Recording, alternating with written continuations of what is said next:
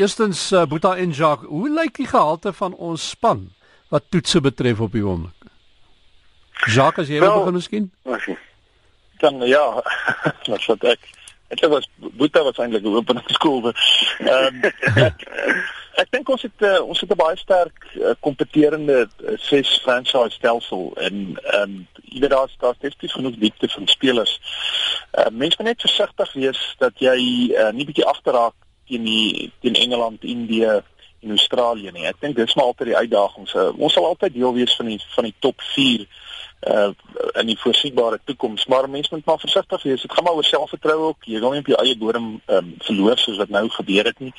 Maar uit, as as jy my moet vra uit die uit die uh, franchise stelsel of daar genoeg spelers is om om werklik kompeterend te wees in wêreldkriket dink ek regtig dit dit is so daar is spelers wat deurkom.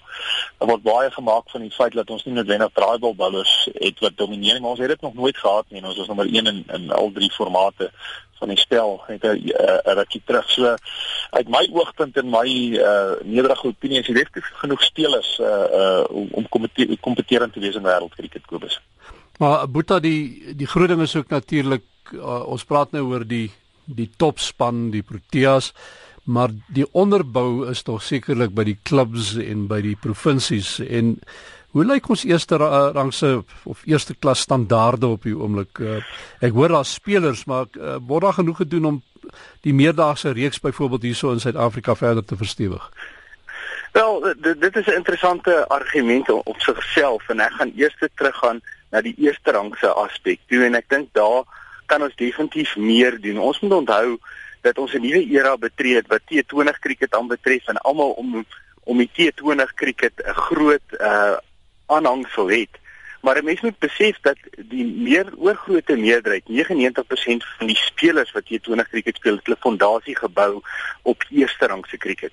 En daar voel ek dat die klem in Suid-Afrika verskriklik geskuif het en Jacques hulle kan beamoen dat hoeveel druk daar op die franchise spanne is om in die T20 krieket suksesvol te wees want dit is 'n finansiële hulplyn ook. Hmm. Nou ek dink nie dit is 'n goeie basis gaan om jou spelers te ontwikkel nie. en ek dink daar kan Suid-Afrika verseker meer aandag aan gee want ek dink eerste rangse krieket is 'n uitstekende fondasie om 'n speler te ontwikkel. Al is dit 'n T20 spesialis op die einde van die dag.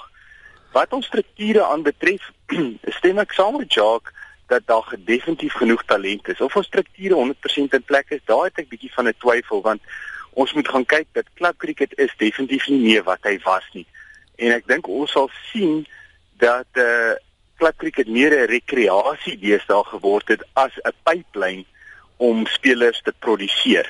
En ek dink ons sien meer en meer dat spelers wat op skole vlak geïdentifiseer is, spring na SA onder 19 span toe, na amateur span toe, dan aan na die bedryfsregspanne toe en dan aan na die Suid-Afrikaanse spanne toe.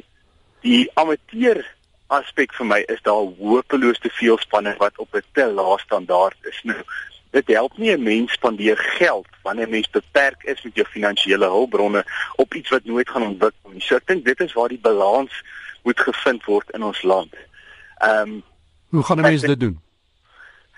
Wel, jy weet 'n mens moet gaan kyk na ander professionaliteite en en ek dink daar's ons harde realiteite wat geneem moet word want jy gaan nie in 'n klein dorpie 'n spesialis dokter kry nie. En uh jy weet as jy dan 'n spesialis wil gaan sien, dan moet jy na 'n hoofstad toe gaan. En ek hmm. dink daar moet die onderskeid getref word dat daar nog steeds dalk die klub cricket is. Maar op die kleiner dorpe en stede, maar dat wanneer jy na 'n hoër vlak toe wil beweeg, moet jy na 'n stad toe beweeg, moet jy na 'n area toe beweeg waar die infrastruktuur daar sodat verdere ontwikkeling kan plaasvind. En ek dink dit is die groot uitdaging, een van die groot uitdagings hmm. waarmee ons sit. Maar Jacques, uh, die die ander deel van die onderbou hier is natuurlik administrasie van die franchises en uh, wat kan gedoen word om die administrasie van franchises te verstewig, uh cricket meer aantreklike omgewing te maak vir borgers byvoorbeeld of vir voornemende borgers. Julle by die Titans byvoorbeeld 'n paar voorbeeldende verbeeldingryke inisiatiewe aangekondig om administrasie te verstewig kultuur gesond hou, ook korrupsie waterdig te maak. Uh, vertel ons 'n bietjie daarvan. Ja, ek dink uh, sport in die publieke uh, domein en um, ook die die prestasies en wanprestasies daarvan en en ek dink administrasie uh, was veral die laaste paar jaar onder druk. Ehm um, een van die dinge wat ons gedoen het is om om om uh te kyk of ons 'n onafhanklike persoon kan kry om om ons te beoordeel in terme van ons prestasiebestuur. En ons hoop dit sal dit sal van waarde wees. Ehm um, ons ons dink dit kan um, maar geen sport het die kapasiteit in elk geval of of of net eenvoudig die ehm um, die die kapasiteit in, in terme van kapitaal en geld verskoon my om om, om die spel oral heen te vat. Boeta het reg gesê dat eh uh, weet dit is bitter moeilik uh, as jy beperk is om dit reg oor die land te vat. So mense moet kyk na vennootskappe uh, want dit verhoog jou kapasiteit en ons ons is nou baie geseën maar ek dink ander franchises kyk ook aan na en en kyk na um borge en en hoe eintlik borge uit om deel te vorm van dit. Ek dink jy moet innoverend wees. Jy kom in 'n innoverende uh tydperk uh wat mense ook hulle geld wil uh, investeer waar dit daadwerklik uh, vir hulle van waarde sal wees. Uh, maar ek dink tog cricket is 'n wonderlike produk. Jy weet dit is 'n uh, baie diverse uh, volg. Dit is 'n pro produk wat ehm um, weet oor 'n paar dae gespeel word. Dit uh, jy weet dit is 8 maande van goeie blootstelling. So ek dink vir 'n borg, jy weet is cricket saam met rugby en, en sokker nog steeds een van die groot 3. En dit is definitief meer bekostigbaar. So ons het gewoon gaan sit en innoverend kyk van hoe kan ons daai vennootskappe inbring. Uh ehm um, die prestasiebestuur is definitief een ook universiteit Ja, ek dink mense moenie vergeet dat jy universiteite kan nader trek nie. Ons is nou geseën met die Universiteit Pretoria. Jy kan definitief uh universiteite as as 'n hulpbron nader trek. So dit is maar 'n uitdaging, maar baie van hierdie goed word maar uit noodheid gebore um ook Kobus.